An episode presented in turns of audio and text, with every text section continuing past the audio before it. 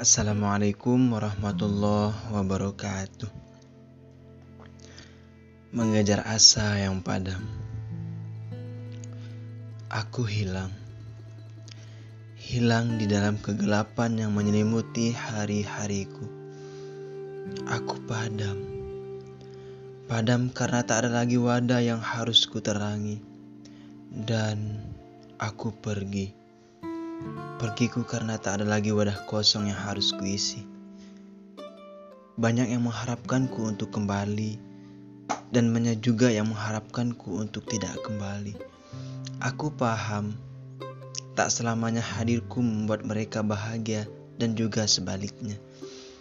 Untuk itu, aku putuskan selamanya aku akan berada di alam kenangan yang tak akan pernah untuk dilupakan.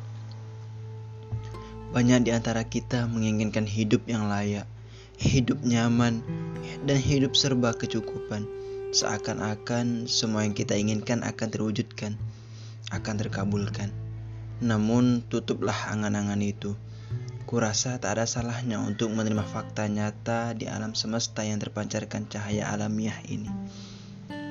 Teringat masa-masa di mana aku sibuk untuk mencari kebahagiaan, sibuk mencari kesenangan, walau rasa tak selalu sama.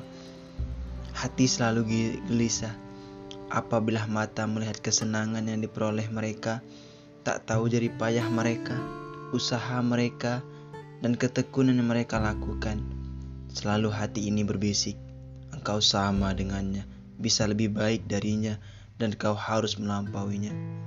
Terbangun tekad di dalam jiwa, bahkan aku harus lebih dari mereka.